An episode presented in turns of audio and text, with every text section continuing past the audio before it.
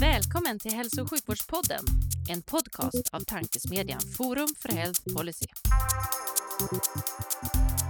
I den här podden möts frågor om hur vi kan få bättre hälsa med frågor om vilken politik som krävs. Det kommer bli samtal om personcentrering, ledarskap, digitalisering, organisation, politik och mycket mer.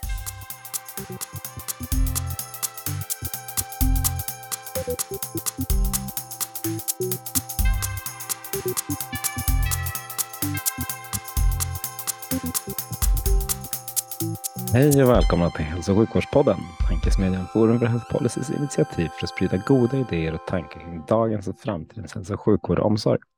Jag heter Magnus Lejelöw och arbetar till vardags för Colivia men även ambassadör för Forum för Health Policy. Och idag är ingen vanlig dag i poddens historia, lätt lite förmätet, men så är det, utan idag tänkte vi köra ett specialavsnitt. En av våra gäster, Tony Holm, har varit med i podden ett par gånger och berättat om sin cancer och hur sjukvården ser ur hans perspektiv. Och idag kommer vi sända en liveintervju där Atle Johansen intervjuar Tony och Helene. Jag är lika nyfiken på innehållet som ni, så vi lämnar över till Atle, Tony och Helene, så är jag tillbaka nästa vecka med ett ordinarie avsnitt. Ha en fin lyssning. Vi, eh, Helene, Tony, jag önskar och önskar välkommen hit under en skyfri himmel, en sommardag, kanske det vackraste stället som är i Borås, och så samlas vi vackra människor för att dela någonting tillsammans här. Och då som jag sa, det som upplevs i hjärtat, det fastnar i sinnet. Det är en sån kväll. Så jag tänker att börja helt enkelt med att fråga, be Helene och Tony att berätta kort om sig själv. Vem är ni? Tack Atle. Eh, Helene heter jag och jag är Tonys fru. Och eh, jag är mamma till Sofie och Sara och eh, jag har jobbat i sjukvården sedan jag var 18 år. Det var lite kort om mig. Härligt. Och Tony Holm heter jag. Vem är jag? Jaha. Det är svårt. Man skulle vara kortfattad, eller hur? Vad är den du är? Eh, nej, men jag är från Borås. Jag känner ju många av er eh, och det är härligt att se så många här, så många kända ansikten. Hör ni vad jag säger? Ja. Eh, jag har jobbat jättemycket med sjukvårdsfrågor, utveckling av svensk hälso och sjukvård på olika sätt, även cancervården. Och eh, har väl lite svårt att liksom gå igenom saker och ting utan att se här kan man nog göra något lite bättre. Så att jag är väl en, vem är du? Nu får jag inte glömma frågan. Jag älskar förbättringsarbeten och försöka se om man kan göra det lite bättre. Det är det som har drivit mig. Ja. Då ska jag prata lite högre. Ta med mig. Eh, men jag är urboråsare eh, och det försöker jag säga överallt var jag än är. Jag har två jättefina barn, Linnea och Ludvig. Och två bonusbarn, Sofia och Sara. Och vi lever ett härligt liv i Stenungsund, men vi har ju också eh, mycket av våra släktingar kvar i Borås såklart. Nu driver vi restauranger, något helt annat, men det handlar om att möta människor och träffa människor och försöka liksom förstå varann och glädjas av varann. Och, ja, det är väl egentligen lite grann, Martin Polin kan berätta exakt vem jag är och så, men det kan vi ta efteråt sen. Det finns de som känner mig bättre än jag själv, men vi ska prata om de frågorna ikväll. Mm. Eh, och här och nu så tror jag att det mer är att eh, jag är en vanlig kille från Borås som, nu var det min tur att få cancer och jag känner att vi får eh, stanna upp lite grann och fundera kring de frågorna. Vad, in, vad innebär det och eh, hur tänker man kring det? tänker, varför, jag har så funderat på, var- varför är denna kväll så viktig för er? Var- Varför samlas vi här? Vad, vad hade ni för tankar när ni bestämde er för att arrangera den här Tony? Ja, det är en jättebra fråga. Jag, jag känner mig, jag, jag, är inte, jag brukar må ganska bra. Idag mår jag inte riktigt bra, men, men ganska bra. Men jag, jag vet, jag frågar mina barn där, vem är det som har hittat på att vi ska ha en livepodd här nu, mitt i allt? Men det var ju förmodligen jag. Och det är ju så när man, när man får ett besked om cancer och alla de här tankarna liksom eh, far i huvudet. Okej, det var så illa, så vad, vad gör vi nu och hur tänker man? Och, och så börjar man tänka lite grann vad som är viktigt och dessutom föreslå att vi skulle åka och stråla den här tumören i Borås ganska snabbt. Och då åkte vi förbi det här bruket i Viared. Och vi älskar ju inredning och vi älskar mat. Och vi älskar platser där man kan mötas och liksom eh, få känna att man, man eh, det förstärks intrycken när man träffas. Så vi, vi åt lunch en hel vecka, bland annat med dig, Atle. Eh, och vi gjorde det till en stående lunch. Vi bjöd in lite gamla kompisar, passade på. Eh, när vi hade varit på strålningen i Borås så träffades vi, käkade lunch här med Ingla. Eh, och eh, hade lite lunchmöten. Varav ett möte var med Atle och sa att här skulle man ha gjort någonting väldigt trevligt att träffas. Vi kunde ju se, det var inte så varmt och härligt då, men det var ändå vackert och man såg potentialen. Jag tror du hade någon lägereld. Vi sitter vid lägerelden och diskuterar livet och, och, och kärlek. Och, och, nej, men varför inte? Så det, här är ju, är det. det här är ju en lägereld. Ja. Vi har tappat mycket av det i samhället idag. TV, radion etc. Och ja. Vi ville komma överens så att vi ville samlas runt en lägereld för att ni skulle få berätta hur det var, både du och Helene. Och hur kände du, Helene, när ni valde platsen? Den här, när vi valde den här platsen? Ja. Det är ju en fantastisk plats. Det, man kan inte göra annat än att trivas här. Mm. Mm. Så det känns som en trygg plats. Eh, Tony känner jättemånga här och jag tänker att det är bra. Mm. Vi kände också lite grann, alltså man, alla hanterar ju sin sjukdom och sin... Eh, man är, ja. Jag vrider på den lite grann så hörs det kanske ännu bättre. Ja. Eh, det är ju så här att jag har också bestämt att alltså, man, man, gör på olika sätt och ingenting är rätt eller fel. Men jag har bestämt mig för att jag vill försöka se om jag kan... De erfarenheterna och insikterna som jag ser, som jag går igenom inom cancervården, är det någonting där som jag kan försöka se om det kan bli bättre för andra människor? så gör jag gärna det. Därför har vi bloggen Livet med cancer som vi har startat för att diskutera olika förbättringsmöjligheter där jag skriver utan filter eh, lite grann hur jag upplever både vården och, och eh, möten som, som sker. Det är viktigt och eh, det är också så att vi har valt att återföra då det som vi tycker fungerar mindre bra till vården. Eh, och vi har då både RCC som är en viktig samspelspartner i Västra Götalandsregionen och vi har ett nationellt cancercentrum där vi för upp mer nationella frågor. Så därför har vi också gjort lite grann av ett, eh, ett större projekt av det hela för att liksom se om vi kan också förbättra vården. För att det finns vissa delar som är anskrämligt dåliga och det vill man ogärna att andra ska få, få lida igenom. Så att eh, vi jobbar ganska mycket med det. Rätt eller fel, men det är så vi har valt att lägga upp det. Vi stoppar där. Ja. Mm. Jajamän. Detta är intressant. Nej, men det är jättebra. Det som är det viktiga är att du är så engagerad det här och det är fantastiskt bra. Ja. Men för liksom att spola bandet lite tillbaks så är det, ge oss en bakgrund för det som hände när du upptäckte det, ni upptäckte det, förlåt. Och ge oss en liten bakgrund i den bilden när du var frisk och pigg och skrämde livet av alla andra som skulle springa runt och träna. Till att du fick denna beskedet. Ge oss en bakgrund i det hela så kan vi komma tillbaks lite på behandling och etc. Jag tror det är bra. Ja, men det kan jag göra. Eh, ibland är det så, det är ju väldigt mycket lättare att coacha andra. Det är väldigt trevligt att, att berätta och stötta och coacha andra hur man kan göra med både kropp och själ. Och det har jag gjort i många år och det känns ju väldigt trevligt. Och ibland glömmer man att ta hand om sig själv och, och det är viktigt att stanna upp vid de frågorna. Eh, och det är också så att jag har jobbat mycket med på Nyx och jobbat mycket med, med att ändra livsstil och så vidare. Ibland har jag glömt mig själv och det är också intressant. Det kan man fundera på. Eh, och likaså får man då ett cancerbesked så blir det väldigt, alltså okej. Okay. Dessutom är jag sjuksköterska och vet att de här symptomen som jag har haft, ganska vaga symptom, inte stora symptom.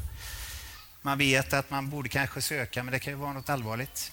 Så då, då skjuter man lite grann på det. Helt värdelöst, jättedåligt. Det hade ju aldrig rått er andra. Men man är lite grann sån till mans, eller vi är olika och sån var jag. Så att även om Helene tjatade på mig så, så dröjde det nog ganska länge innan jag sökte faktiskt. Och när jag väl gjorde det så, jag tror det var ju Helene som fick mig att söka, så sa du att, eh, jag tror det var samma dag, nej men nu känns det bättre, jag tror vi kan avboka det här besöket. Nej, det gör vi inte, sa Helene. Nu, nu går vi dit. Eh. Tony sa i, förra sommaren sa. Tony till mig så här att mm, det känns inte riktigt bra när jag är på toaletten om vi får vara mm. riktigt ärliga. Mm. Så sa jag, ja, men eh, så varje gång Tony var inne på toaletten så sa jag, gick det bra? Var det någonting? Nej, nej, nu var det ingenting. Så, eh, så sa jag, nu måste vi boka en tid. Och Tony bara, nej, vi väntar lite med det. Och när vi väl bokade den tiden, det var dagen innan, så säger han så här, nu har jag inte haft någon eh, blod i avföringen på jättelänge. Så nu, vi avbokar. Ja, jag sa nej, det gör vi inte. Men när vi väl var där mm. så fick du ju ganska så snabbt reda på att det var en tumör i tarmen vilket var... För vi diskuterade innan och sa så här, det kanske kan vara någon mag-tarmsjukdom. alltså vi hade många olika förslag på vad det skulle kunna vara. Men vi trodde inte att det skulle vara cancer. Men när du väl fick diagnosen så var det ju bara rullgardinen ner. Ja, men så var det. Får jag bara spinna det där lite ja, grann? För, det, för då känns det som, och det var ju jäkla osmart, alltså den här ST-läkaren som gjorde undersökningen. Jag trodde han var den läkaren som jag hade googlat upp på LinkedIn, för vi hade 27 gemensamma kontakter. Varav generaldirektören på Socialstyrelsen var en, men det var inte han. Det var ju en ST-läkare, så att han kom in senare.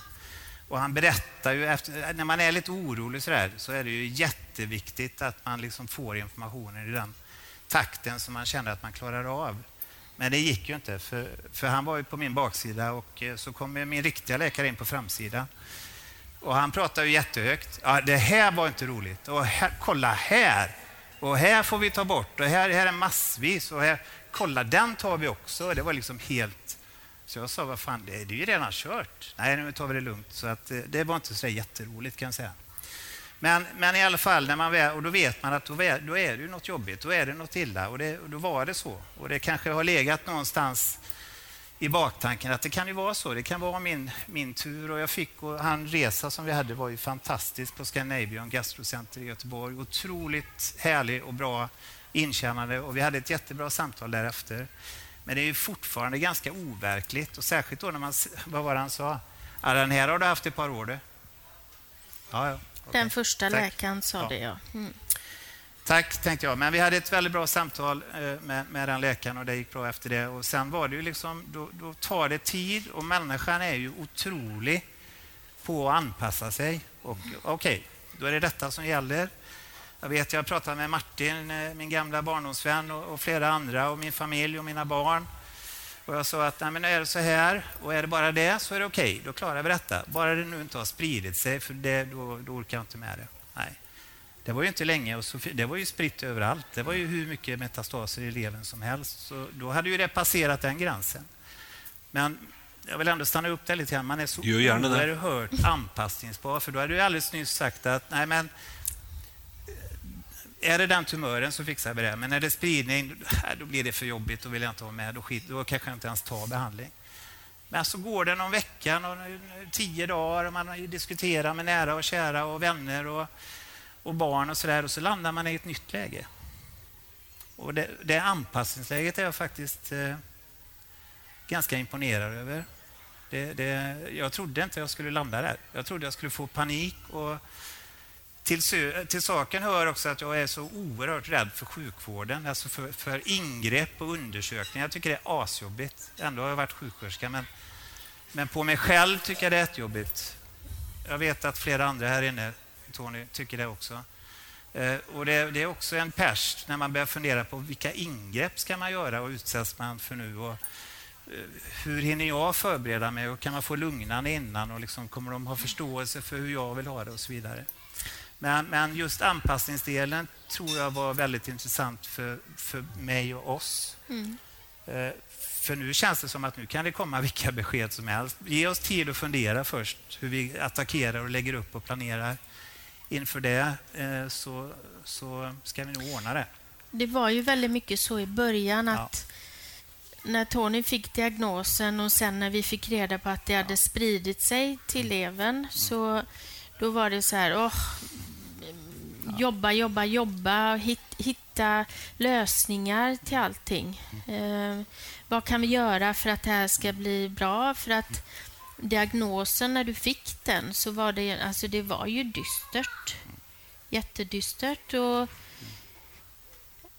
men det finns, det finns ändå behandlingar. Och det, det, det, nu har ju du svarat så himla bra. Nu kanske jag går före Atle. Nej, det gör aldrig. Det är bara att köra. Ja, du, du, har ju ändå svarat så himla bra på behandlingen och nu ser ju framtiden ljusare ut. Mm.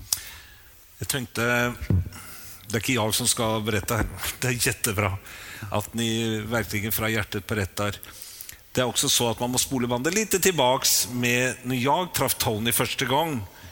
Da vägde jag 110 kilo, hade hjärtflimmer och högt blodtryck och allmänt dårligere trent än de flesta. Och då träffade jag Tony. Eh, och denne villmannen, jag vet inte vad jag ska kalla han, han gick bara rätt in och styrde upp. Tjoff, tjoff, tjoff, tjoff, tjoff, och det blev ganska mycket bättre. Men du var fantastisk på att leda, boosta, stärka upp, du ringde hem. Och då var du världsmästare, som du själv sa, när det gäller andra. Men när det gäller dig själv så kom han tillbaka till det som var så självklart, det du har gjort för så enormt många. Det var inte lika självklart. Och jag tror att eh, du, Helene, hade en fantastiskt viktig funktion här. Dels har du varit igenom det förr med ditt ex och du har varit igenom procedurer hela tiden, du och dina barn. Och sen att du kunde vara där för Tony och lugna ner honom och få honom att lyssna på andra. För jag tror det har du lite svårt för. Men nu kommer vi till en ny del av det hela. Då. Ni får ett besked Eh, som, är, som jag inte kan föreställa mig om man inte har varit med om det. Och jag vet inte hur man själv vill reagera.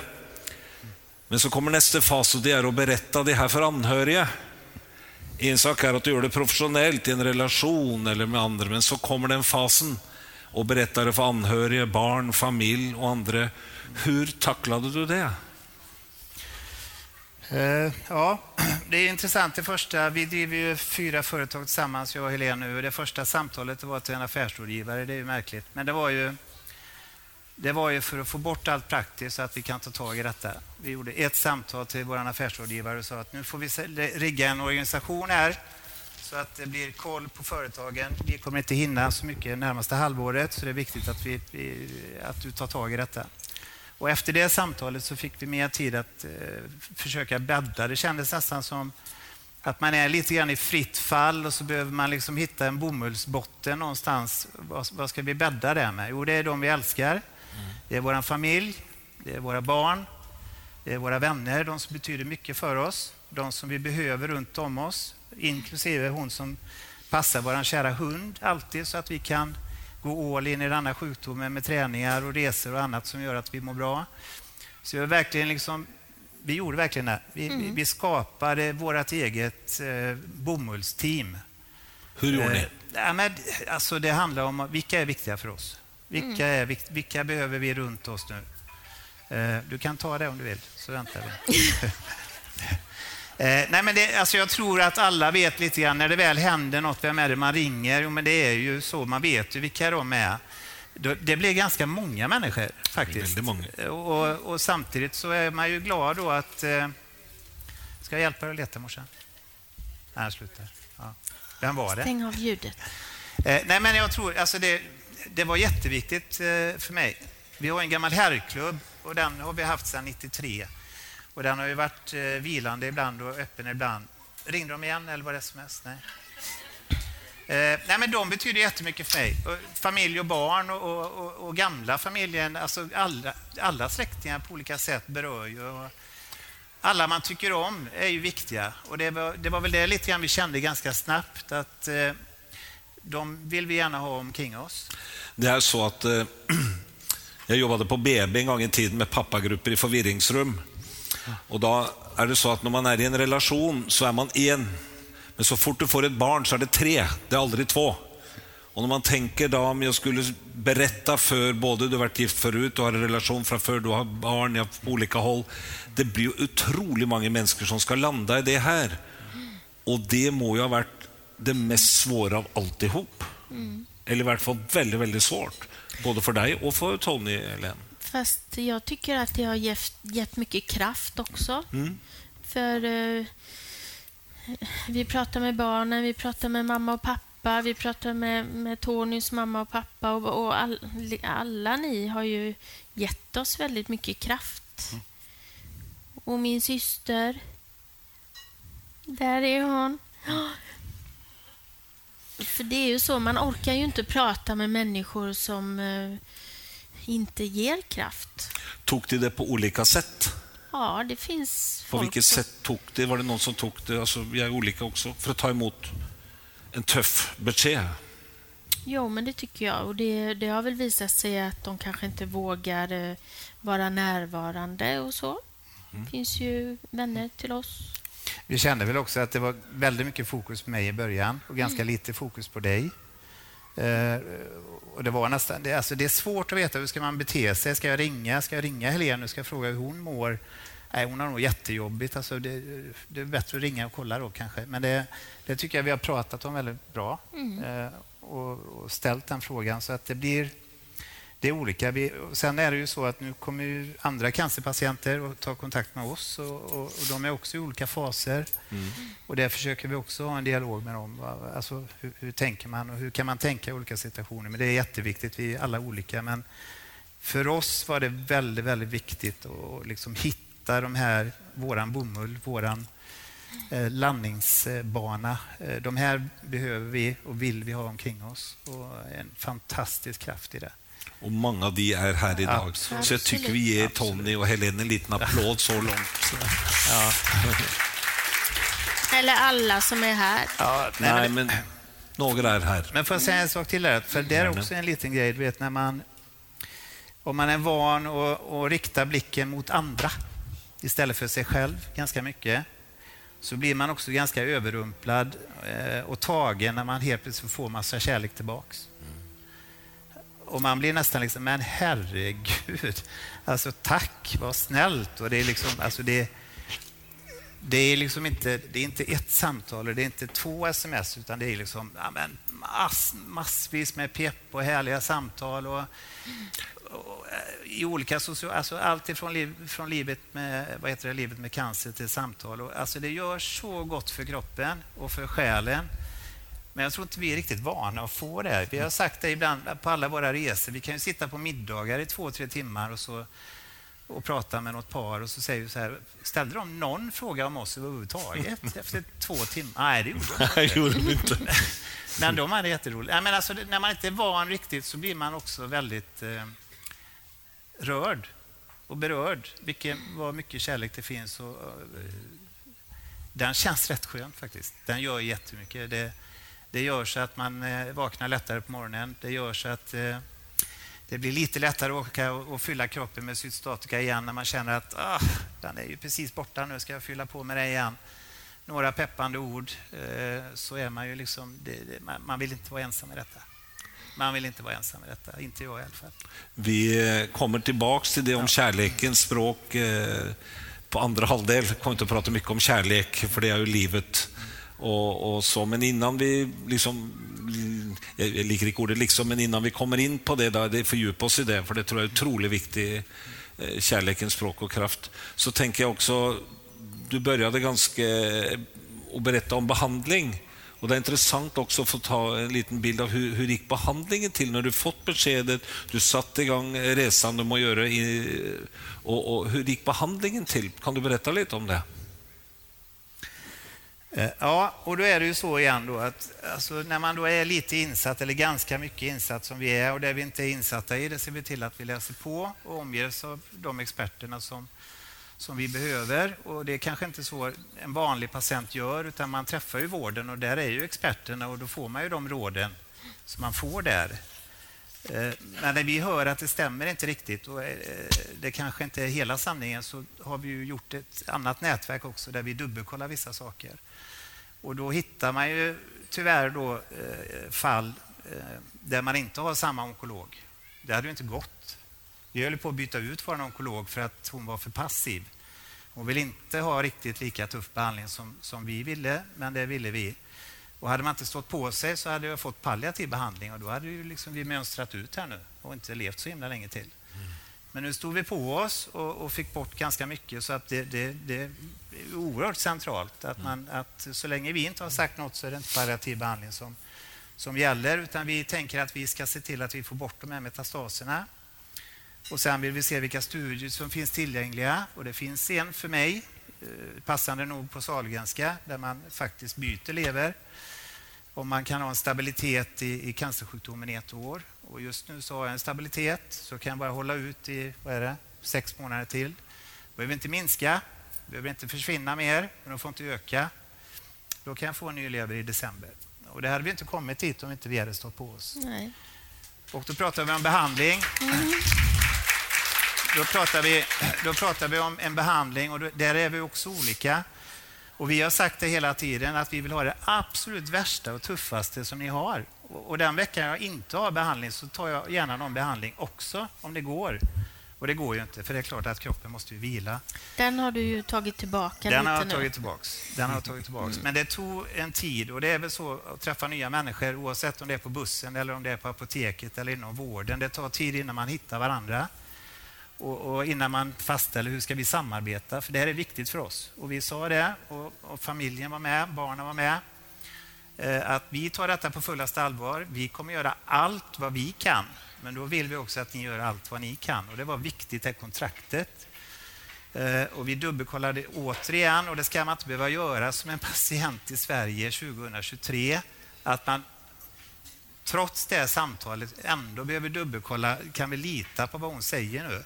För den informationen får inte vanliga patienter. Eh, Och då måste vi hitta ett sätt och då, då blir jag jättetrött när jag pratar med patienter som har exakt samma sjukdom som mig, som inte känner till studien, som har en ny onkolog varje gång i Borås, inte samma, inte samma kontaktsjuksköterska. Vi skulle, jag skulle inte suttit här om jag inte hade haft samma onkolog och samma sköterska. Nu är vi helt samspelta. Vi vet precis vad som gäller. De vet precis vad jag gör och vad vi gör när, när vi inte är på sjukhus. Ba- Bara för att tydliggöra Jag får bara säga en sak till. Ja, ja. Och det är att jag lägger alltså 0,9 procent av min tid på sjukhus. Det är inte 1 procent. Resten av tiden är jag själv. Vi är hemma. Jag får alltså dagvård tre timmar varannan vecka. Och därför är det så oerhört viktigt hur man lägger upp samarbetet med vården. Vad gör vi när vi inte är på sjukhus, den 0,9 procenten? Vad kan vi göra för att jag kan bli ännu bättre? Vad kan jag göra för att inte eh, för att ha bäst, bästa förutsättningar egentligen? Och då tror jag att då måste vi titta på och vi har tagit initiativ till en studie, alltså eh, förbättringsmöjligheter och framgångsfaktorer för en bättre cancervård. Bland annat att titta på hur kontaktsjuksköterskan ser ut i olika landsting och olika sjukhus. För det ser så olika ut och man ska inte behöva vara så påläst som vi är för att kunna vara en cancerpatient. Och det, jag vill sticka in här lite dramatiskt. Om ni inte hade fått den hjälpen nu så hade inte du klart det. Nej. Det var det du sa. Det Ja, vet, det det kan vet jag inte. Alltså, men men i, den informationen vi hade och den prognosen, de grät ju både kirurgen och onkologen. Det här såg inte bra ut. Och börjar man läsa studierna så är då är det något år jag hade överlevt. För 20 år sedan så hade det varit några månader, nu var det något år. Säg att det är två år då. Men, men jag menar, eh, när vi la till det tredje cytostatikan och, och helt plötsligt metastaserna försvinner i rasande fart och minskar som de aldrig har sett like på. Då är det också så att alla, alltså alla är inte studiepatienter utan Visst, femårsöverlevnaden den är dålig på den prognosen, men då hade vi inte den studien. Och studien är svår att fylla. Det är liksom 47 patienter som ska byta lever på Sahlgrenska Huddinge och det är bara gjort sex patienter.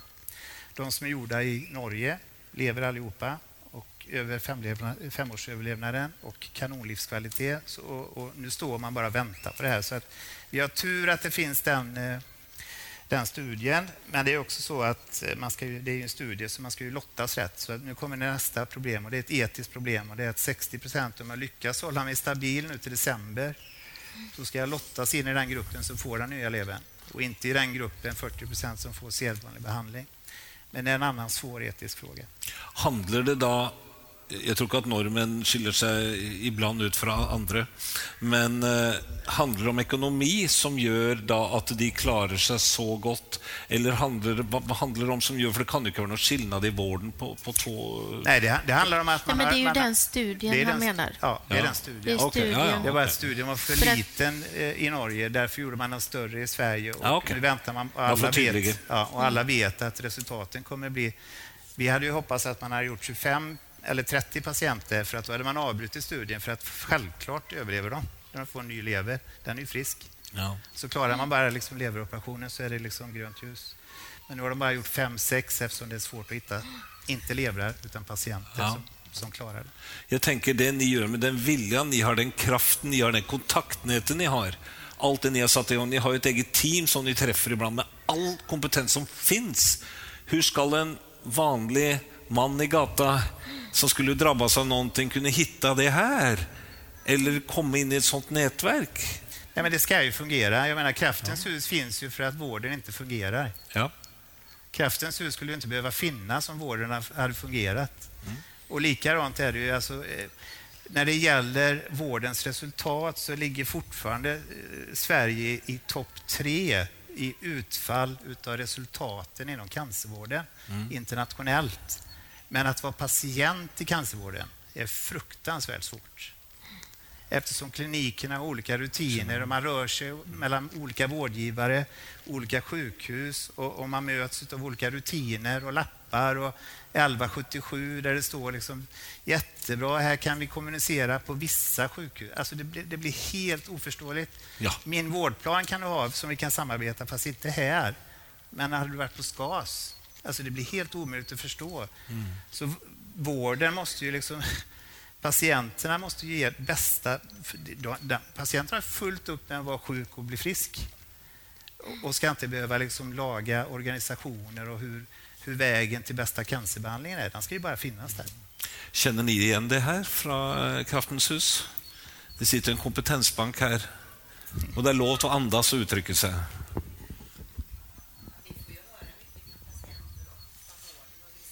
Och känner igen det? Ja, ni känner igen det?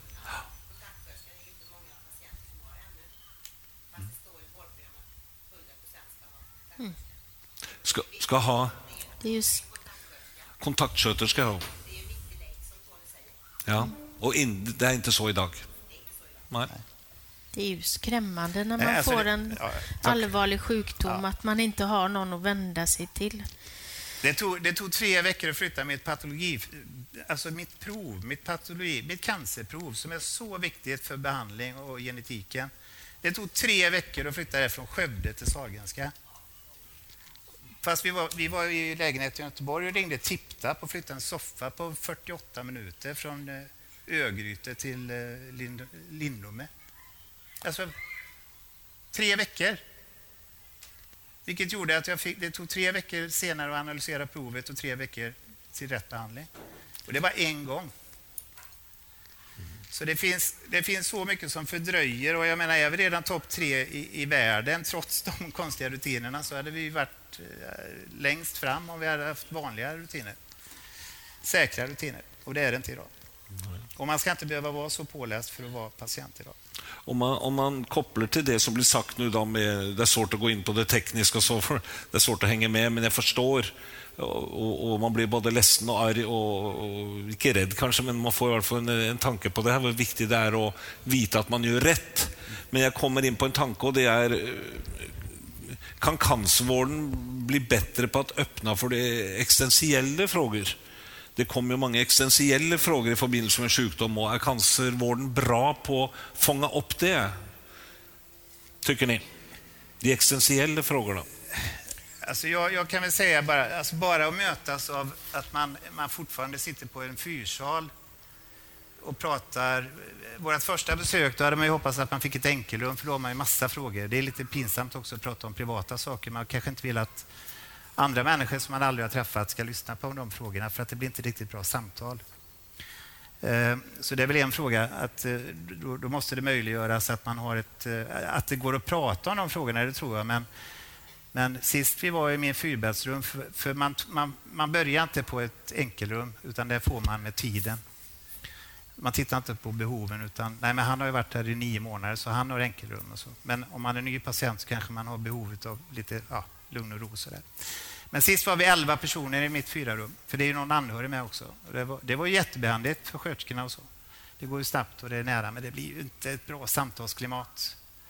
Dessutom så står det en ny sjukvårdsbyggnad, Dana. Det, det, den är helt färdig sedan några år tillbaks med enkelrum. Sedan tre år tillbaks. Den är helt färdig. Den är helt anpassad för samtal om existentiella och, och viktiga frågor, privata frågor. Men man har inte personal till det, så att det, det är lite synd att det inte liksom... Hur, hur, har man tänkt till att låta det komma ikapp i balans? I och med att ni har det klart, men få det att fungera i praktiken?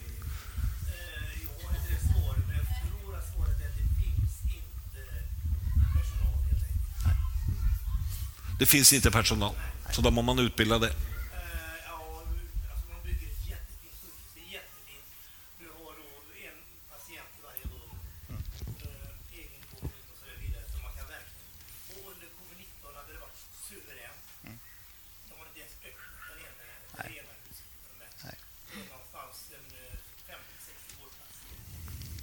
Men, så det finns hopp i fram, framtiden då?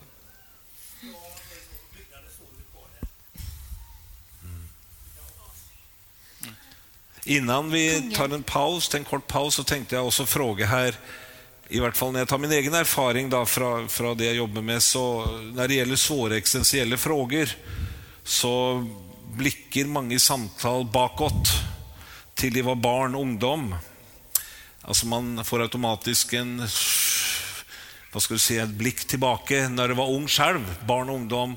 Eh, har du fått det? Har du fått tankar och bilder och situationer från du var liten? I den situationen? Ja, men absolut. Alltså, det går i en rasande fart. Vi har ju pratat om det mycket i andra eh, sammanhang, men alltså, det är ju...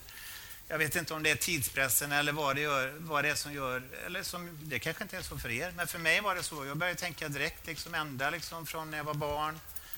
Eh, hur är jag som person? Kunde jag gjort något annorlunda? Vem är jag? Hur blev jag sån här? Varför är det så viktigt för mig att det ska vara rätt för alla? Varför kan jag inte släppa vissa saker? Alltså, alla de här frågorna kommer och det går i en rasande fart. Eh, och någonstans så tror jag att jag kanske inte är ensam om det, utan man försöker hitta även kanske en botten där. Eh, en förståelse för varför man agerar och gör som man gör.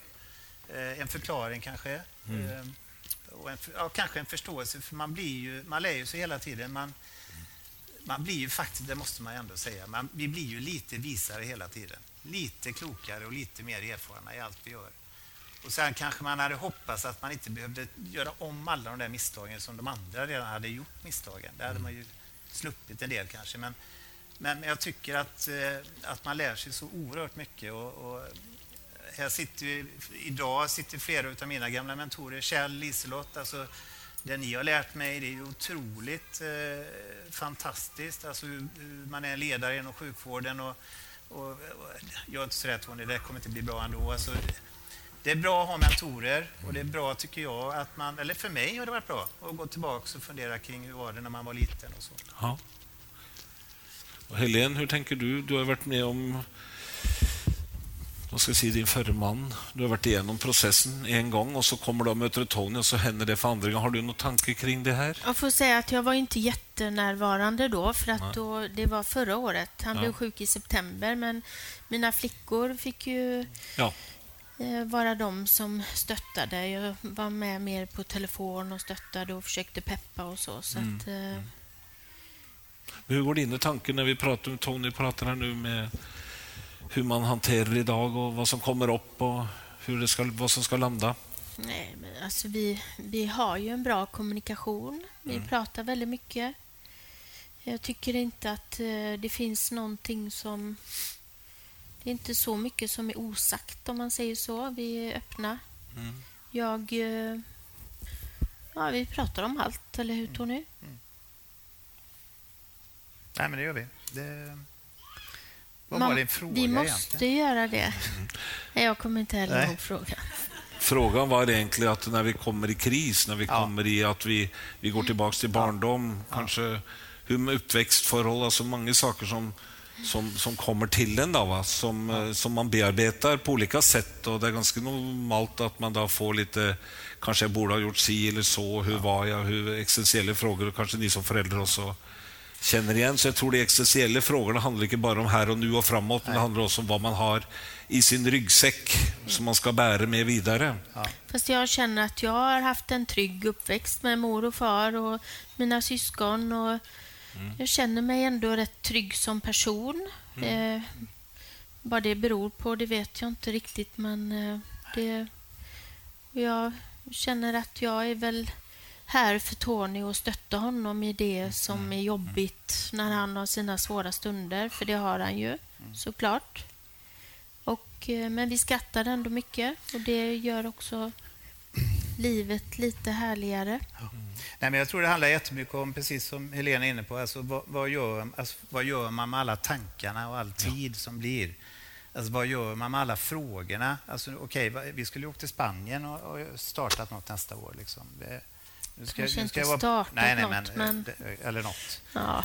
Vi har ju vi har en massa planer och så kommer detta i vägen. Och vad gör man då liksom, när det liksom störs helt plötsligt? Och, och, Och Det pratar vi väldigt mycket om och, och, hur man hanterar de frågorna så att man inte bara lägger sig ner och, och, och bara lägger av. Det, det, är ju lite grann beroende på vem är man som person och vad, vad har man omkring sig och vilka krafter och verktyg eh, kan man få till sig där. Och det gör vi på olika sätt, men jag tror kanske många går tillbaka lite grann och funderar kring livet och hur ja. livet har varit. Och det vore väl konstigt annars kanske.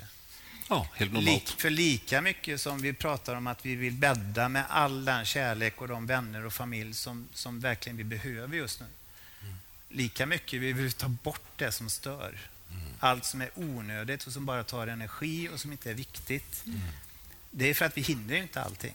Och jag hinner inte lägga massvis med tid på, på olika eh, telefonväxlar och, och, och sitta i, som 228 i någon kö. Jag hinner inte det just nu. Ursäkta, jag har de här 20 sakerna som jag måste ta nu. Så vi försöker ju samtidigt städa bort allting som, som tar massa energi. Du snakker veldig mye om vi, og det, det er ja. veldig sterkt at du, ja. ni, ni, er hverandre. Ja, altså, ni er i hverandre i det ni gjør også. Da. Og det det ikke alle som har, men ni har det. Men du mm. nevnte også en sak, at det blir jo bivirkninger når du tar mye medisiner. Eh, som i alt annet. Hvordan ter det seg med bivirkningene som kommer? Ni tar sterke medisiner, du tar det over en eh, ja, det heter något som heter hästkur, jag vet inte om det stämmer här, men det får en sån association till att du går extremt starkt. Blir det någon biverkning i så fall, hur ser de ut? Jag har ändå haft tur måste jag säga. Jag har en hästkur eh, och den har jag bett om själv, men eh, nu har vi dragit ner den till 80 procent för att jag får väl ändå lyssna någonstans. Kroppen tar ju stryk. Även om jag kan hantera den så börjar det sticka väldigt mycket och idag höll jag på att ramla och sådär. Eh, men det är också, jag menar, man får balansera allting. Man är, man är orolig för domningar i fingrar och fötter. Ja, visst, men jag lever ju gärna 15 år till med domningar och fötter än två. Mm. Mm. Så att den dialogen måste man ju ta. Jag, men jag säger väl inte allt, eh, varken onkologen eller sköterskan, vilka biverkningar jag har. För att säger jag för mycket så, så sänker de dosen. Men, men, men, vi hittar varandra där. Så att, eh, så, och jag ska ändå vara oerhört tacksam för... Jag har inte mått illa en enda gång. Jag har inte kräkts en enda gång. Jag har inte fått infektion en enda gång. Och jag vet att det är otroligt ovanligt. Jag är inte ens orolig att kramas längre för att jag, mina vita sjunker inte så lågt.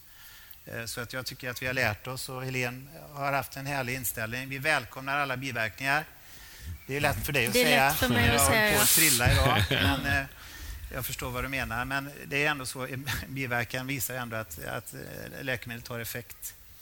Och, och, jag säger fortfarande, och du kanske tycker jag är lite väl positiv, att eh, jag har inte haft några biverkningar, säger jag. Men det har jag haft. Men det är, inte, det är, det är ingenting som jag behöver eh, klaga över, tycker jag.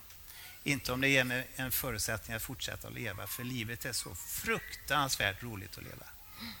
Jag ser så oerhört mycket fram emot livet, så ni anar inte.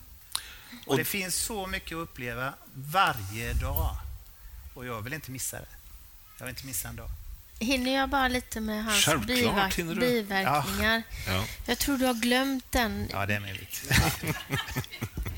Tony var ju på strålning här i Borås i en vecka ja. och efter... Eh, ja, det var väl ungefär tre, fyra veckor, tror jag.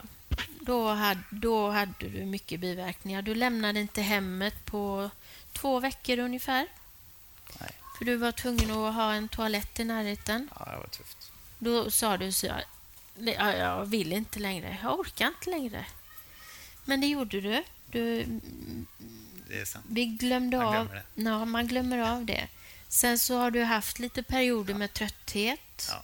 Där du har varit extremt trött. Du säger att du orkar inte lyfta handen eller orkar inte gå. Nej. Så att... Eh... Det är sant, Helene. Det är sant. Eh, och, jag ska lägga till en sak. Allt det där positiva jag sa, det gäller om jag fortfarande har livskvalitet. För jag har märkt att när jag inte har livskvalitet, då kanske jag inte vill ha så många sådana dagar. Nej. Och det är viktigt att lägga till. För att, och jag har bara haft fyra sådana dagar. Fem kanske. Jag... Eh, för, för det, det, blir, alltså, jag fattar, alltså, det, det liksom låter ju helt eh, befängt och rosa, men jag menar, när man inte har ont och när man inte har de problemen så är ju livet fantastiskt. Men jag fattar, alla har det inte så och då är det inte lika roligt. Jag föreslår att vi välkomnar en liten fikapaus för att njuta av livet och lite så. Så vi, jag tycker vi ger en applåd, det är modigt.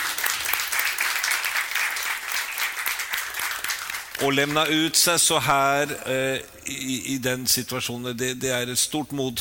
Oerhört tacksam. Det, jag tror många kommer att ha med sig tankar hem här när det går härifrån. Men nu välkomnar vi, som du själv sa, livet med en liten fika eller en liten stund. Det eh, heter på norsk en kissepaus. Ja.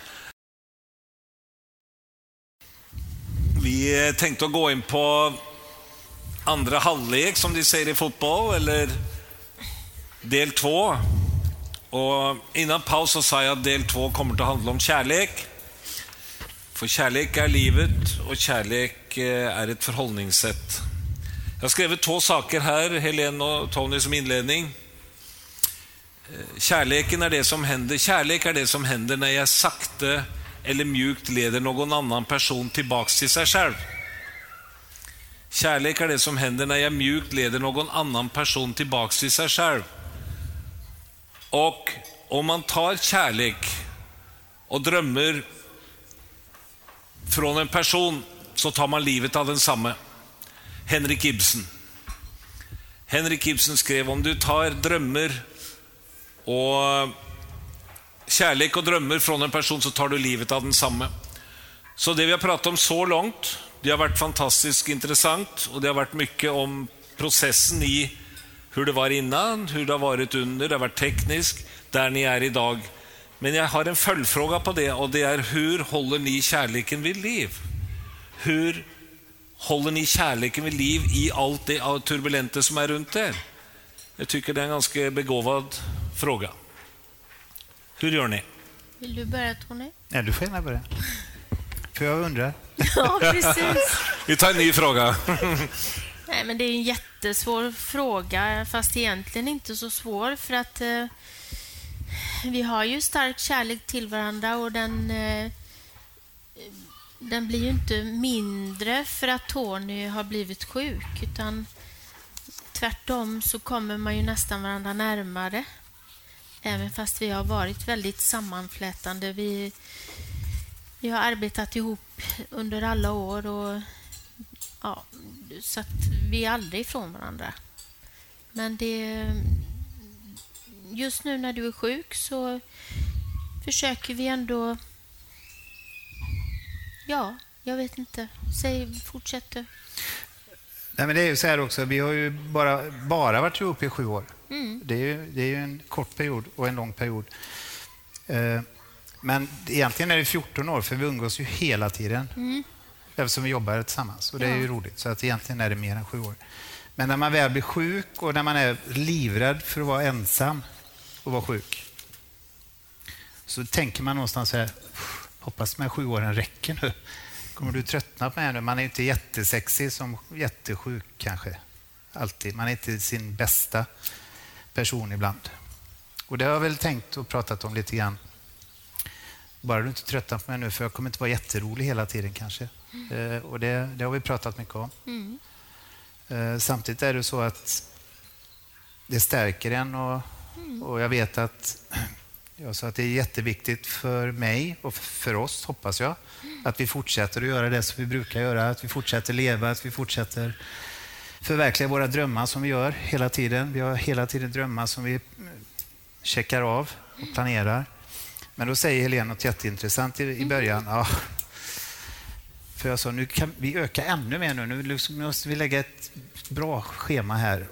Ja, egentligen behöver vi hitta ett sätt att och bli av med dig, eller vänja mig av med dig. Nej, jag sa Men inte bli du av sa det, med. Du sa det på ett väldigt hjärtligt sätt, för att du sa inte det så, utan du sa egentligen att det här blir ju tufft också ifall du dör. När vi har så pass mycket tillsammans och när vi lever så pass mycket tillsammans och har så pass mycket kärlek tillsammans. Mm. Så det har vi pratat jättemycket om mm. Eh, och försöker också hitta sätt eh, att fortsätta att flabba. Vi skrattar ju på vägen hit åt makabra saker. Och det, är mm. liksom, det hör väl till kanske. Det blir lite lättare också. Så jag tycker att... Eh, och hitta skratt i det svåra. Ja, och sen... Nu mår jag bra. Vi återkommer en annan gång kanske. Just nu mår jag bra och, och så och det kan ändras och då, då förändras förutsättningarna och då förändras vi. Mm. Och då får vi se hur vi är då. Mm. Men än så länge så jobbar vi mycket med det och är nöjda. Jobbar på det? Och... Ja. Vi kommer onekligen in, jag ställde frågan innan så att ni var förberedda på den. Men det är en fråga vi aldrig kommer undan tyvärr och det är att eh, vi har en familjemedlem som egentligen ingen vill ha och det är döden. Oavsett hur vi förhåller oss till den, oavsett så är en lika naturlig familjemedlem som att bli född. Och eh, hur förhåller ni till den, den frågan om liv och död och allt däremellan? Hur, hur förhåller ni till den frågan? Döden?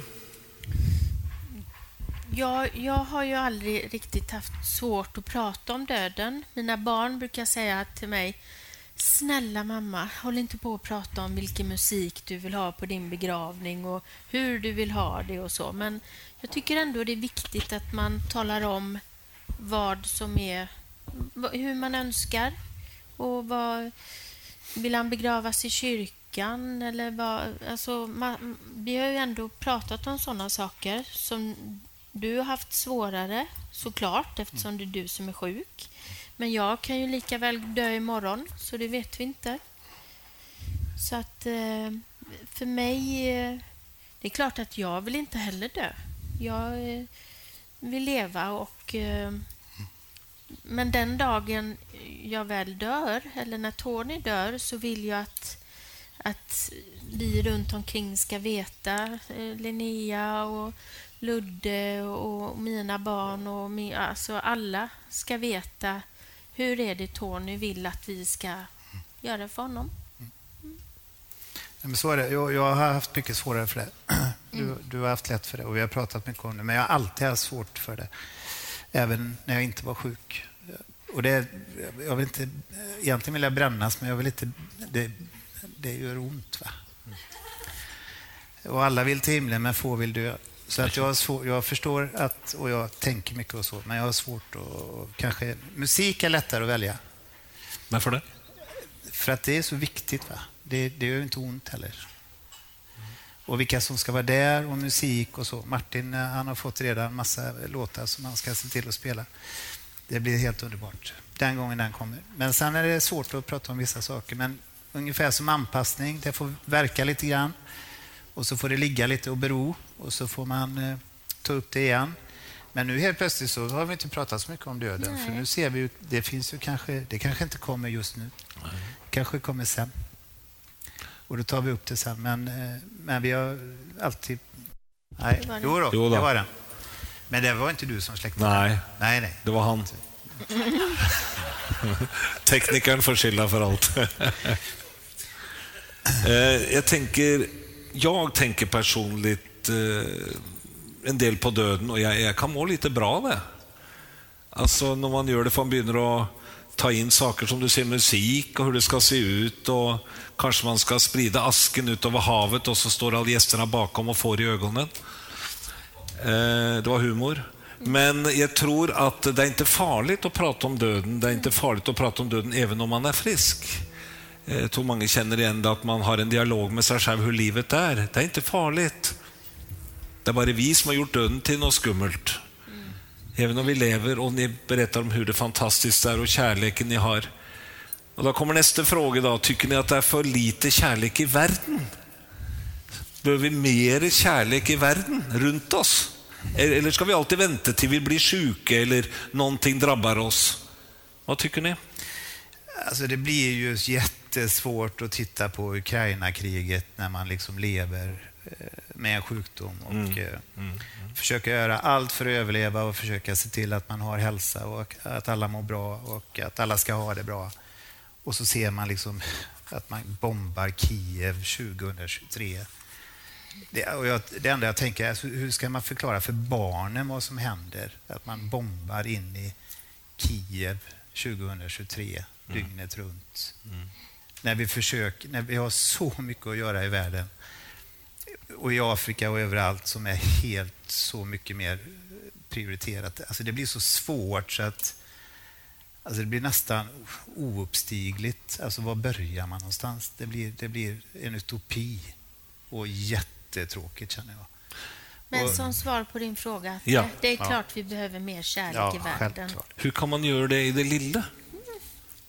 Alltså, vi sitter ju här allihop. Vad, vad vill ni ge för ett, någonting att ha med oss härifrån som ni känner att ja, men, Ja, men alltså det lilla för mig det är ju ändå liksom att varenda samtal jag har nu med folk, även om det är liksom eh, regionförsäljaren på Spendrup, ibland tänker jag att det kanske är sista gången jag pratar med honom. Eller bland de sista.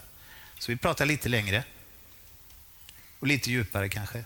Och jag tänker på det varje gång jag träffar en människa nu. Nu får vi inte ta för givet att för nu, nu är det liksom, ja, det är inte säkert att man är kvar nästa påsk eller nästa jul och så. Vissa träffar man ju bara någon gång sådär. Och det tycker jag är viktigt att man, eh, eller för mig är det viktigt. Eh, Nu kanske det är sista gången. Och vad skulle jag vilja säga eller vad skulle jag ber- vilja berätta för den här personen? Och det är väl de här små sakerna som, det kan väl var och en tänka eh, kanske.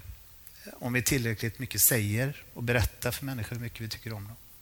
Ibland Eller- går livet bara på. eller man glömmer Hela att säga det? Eller glömmer att säga det. Absolut. Jag tror det är en stund för det samhälle vi lever i och att det finns lite för mycket ego. Eh, Det borde finnas lite mer vi andra, alltså spridning av det lilla kärleken. Nu blir jag lite personlig här och det kanske inte var tänkt så, men eh, jag tror att det är hoppet, det är vägen. Det är det vi kan ha som vapen när on- onda ligger ett steg före så tror jag kärleken är eh, ett förhållningssätt och inte personligt. Lite snällare mot varandra, lite mer omtänksamma mot varandra och jag tycker det är det mycket ni sprider här idag eh, som ni faktiskt sprider nästan smittsamt bra. Bra. Har ni, har ni någon fråga till Tony och Helene som du gärna vill ha ett svar på eller en reflektion kring? Prat med varandra två och två som ni sitter nu. Ja. Du sa att du har, eh, får all hjälp och så, men alla andra patienter som är där, får de samma hjälp? Ser du det? Eller? Det Ja, men, ja, Om, all, om alla andra patienter också får så mycket hjälp är din fråga. Mm. Alltså, de får ju den hjälpen som de har eh, diskuterat fram och enats om att de, att de ska ha. Men de vet om det du vet? Nej. Nej, kanske inte alltid. Och Det är där någonstans jag vill försöka att få vården att förstå att det är svårt att bli en bra patient. Så att man vet vilka frågor man ska ställa, för man är så tacksam ofta. Man är så himla tacksam. Jag fick ju, hon hette Anna idag, hon var jättetrevlig. Ja. Och nästa gång heter hon Susanne, men, men vad, vad, vad gick mötet ut på? Eller vilka frågor? Nej, det, Ska jag förbereda frågor? Alltså, du vet, det blir ju jättesvårt och det har vi sagt flera gånger i en annan podd tror jag att, att man skulle nästan behöva en liten patientutbildning. Vad är viktigt att tänka på nu? För att vården är, alltså, det handlar om ett samarbete oerhört. Med, och, vem, och sen är vi olika, alltså våran bankman och liksom, man måste hitta vem är du och hur ska vi hitta ett bra samarbete? Hur ska vi kommunicera och hur vill du att vi förbereder? Det är ett jättejobb, alltså det är ett heltidsjobb. Jag är sjukskriven och, och, och det är ju planering. Det är, det är ju som största projektet. Jag är helt slut. Och sen ska de på semester. Så nu är vi inne och kollar på det semesterplanering. Och jag undrar hur många patienter som funderar, hur gör vi då med semesterplaneringen och behandlingen? Ska vi gå över till antikroppsbehandling eller ska vi fortsätta med cellgiftsbehandling? Det är ju det är liksom... Eh, det krävs jättemycket för att vara en delaktig patient och det, vi kan inte lägga det ansvaret för patienter om man inte vet att det har en så stor betydelse. För det har betydelse för resultatet. Det har det. Tack, väldigt bra fråga. Och jag, jag måste lägga till en sak, för min dotter sa det, det här med existentiella frågor och så. Alltså när vi tar det viktigaste samtalet och det är beskedet, då sitter vi i ett undersökningsrum, intryckta, hur många är vi? Sex, sju, åtta personer på en sån här brits och, och vi är för nära och det är för långt ifrån och det är eh, vad heter det, sån här mun, munskydd och grejer. Och det är människor vi aldrig har träffats. Och så ska han säga att ja, du har cancer och den är allvarlig och den är spridd. Vi kan inte operera, det finns ingenstans att skära. Den är överallt. Alltså bara miljön och på vilket sätt och hur man förbereder det och hur man sitter och hur man lägger upp det. Och var det verkligen han, alltså, var- jag tyckte jättesynd om han. Vi tyckte synd synd om den kirurgen allihop. För han har ju inte träffat mig och han trodde att jag skulle bli en kirurgpatient och så ser han någonstans, och jäklar det var ju över 20 metastaser, jag kan inte operera han. Nej, men du får gå in och säga det, att du kan inte det. Så du blir en onkologpatient, eller vad säger du Linnea? Ja. Så att for, formerna, för, och jag tror inte de, det, det går så fort. Så att, och det är som min eh, sköterska som är helt underbar, min kontaktsköterska, jag skulle aldrig byta ut henne. Vi, alltså, vi går i detta hela tiden och vi glömmer. Vi, alltså, vi, har- ja, nu när du säger det, när man påpekar småsaker. Man blir så hemmatam och hemmavan och det är så sällan man får sitta ner och reflektera. Ja, men gör vi det bästa? Har vi de bästa mötena? Hur gör vi med nya, nya patienter? Och träffar vi dem? Vi kanske ska ha dem i enkelrum, eller vad säger ni? Alltså att man har lite tid för de eh, utvecklingsfrågorna som är viktiga. Och hur kommer patienternas frågor fram? Den studien som vi hoppas få igenom nu, eh, förbättringsmöjligheter eller för, eh, framgångsfaktorer för en bättre cancervård, då är det första gången någonsin som patienterna ska få välja ut utvecklingsområdena. Det har de aldrig gjort i Sverige. Det är alltid tjänsteman, profession eller politiker. Denna gången är det patienterna som ska peka på. Nej, nu vill vi se hur det är med kontaktsjuksköterskan i Sverige. Hur ser den ut? Vilka har lyckats göra den bra och hur gör de? Och vilka nu andra frågor det kan vara. Och bara det är kontroversiellt. Varför har man inte frågat patienterna vad vi ska fråga. utveckla? Vad är viktigt för dem?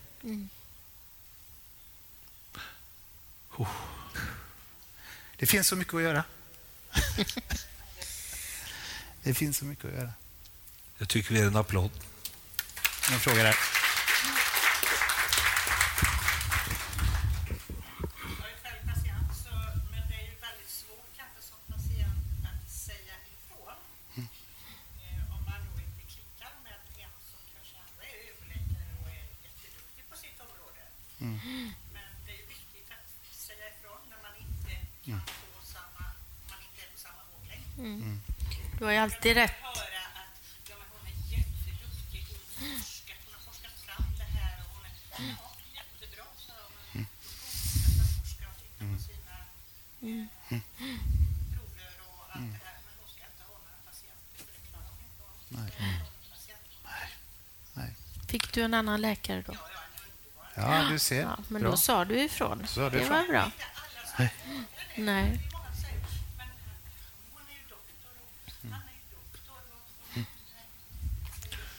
Jag Många- tror att man som patient glömmer av att det här är ju mitt livs största uppgift.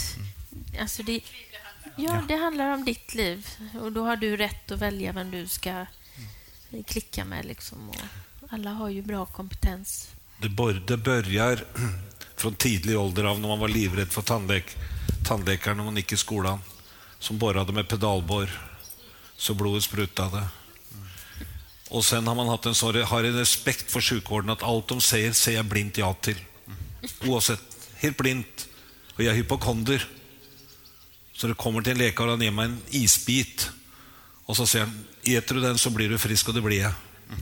Med andra ord, jag litar, och jag tror många av oss litar så mycket på sjukvården och andra myndigheter att vi inte ifrågasätter. Och det är kanske det vi bör göra i starkare grad. Men vi är fostrade till att inte göra det. Kanske den yngre generationen är bättre som kommer nu, får jag hoppas. Men det ni gör är väldigt, väldigt modigt. Eh, flera frågor? Vi har tid till ett par till. Ni på den bakre bänken här. Är det några frågor du har som ni vill ställa? Ja?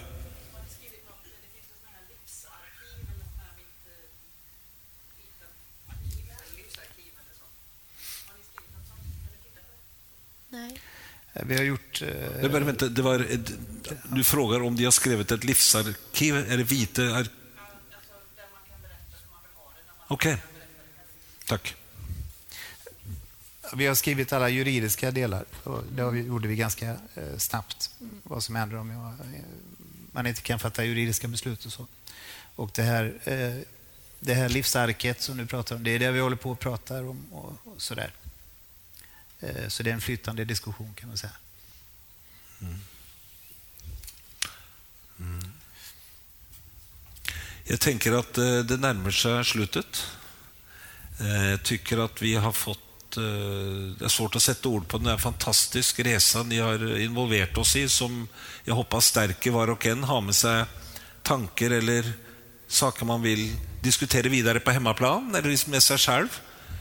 Får jag bara avbryta dig? Ja, varje gång. För det är, Gärna. det är jätteviktigt att det, att det inte blir så att här sitter Tony och Helene och, och liksom berättar hur det är. Nej, det gör vi inte. Vi Det berättar hur vi har det historia.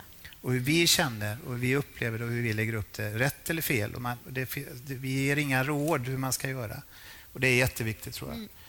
Utan vi känner bara att det är viktigt för oss att berätta för hur vi tänker och, och, och sen ta det eller låt det vara. Och man kan anpassa det.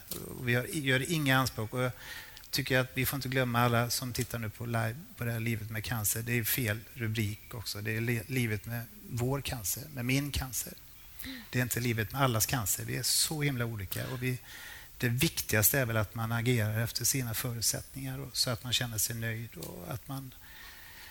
Det här känns bra Jag tror det, ni, det vi gör, det bästa med podden, är att vi delar med oss av våra historier. Ja. Ingen sanningar, ingen pekpinne, bara detta Nej. är min sto- historia. Jag tror det mer historier vi sprider, det bättre blir sjukvården, det bättre blir det för var och en av oss. Eh, Så kan man väl sammanställa det så här. Och innan vi slutar så vill jag att var och en bara lutar sig tillbaks och så blundar ni. Ta och blunda. Och så andas ni tre gånger genom näsan, helt ner i magen.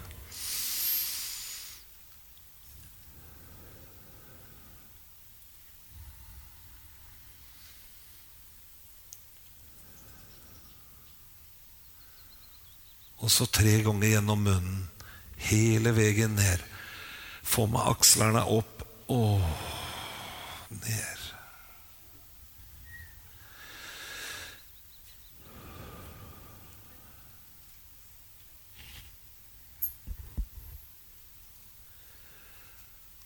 Och från Helen och från Tony och mig så är vår slogan Börja leva varje dag nu börjar leva här och nu.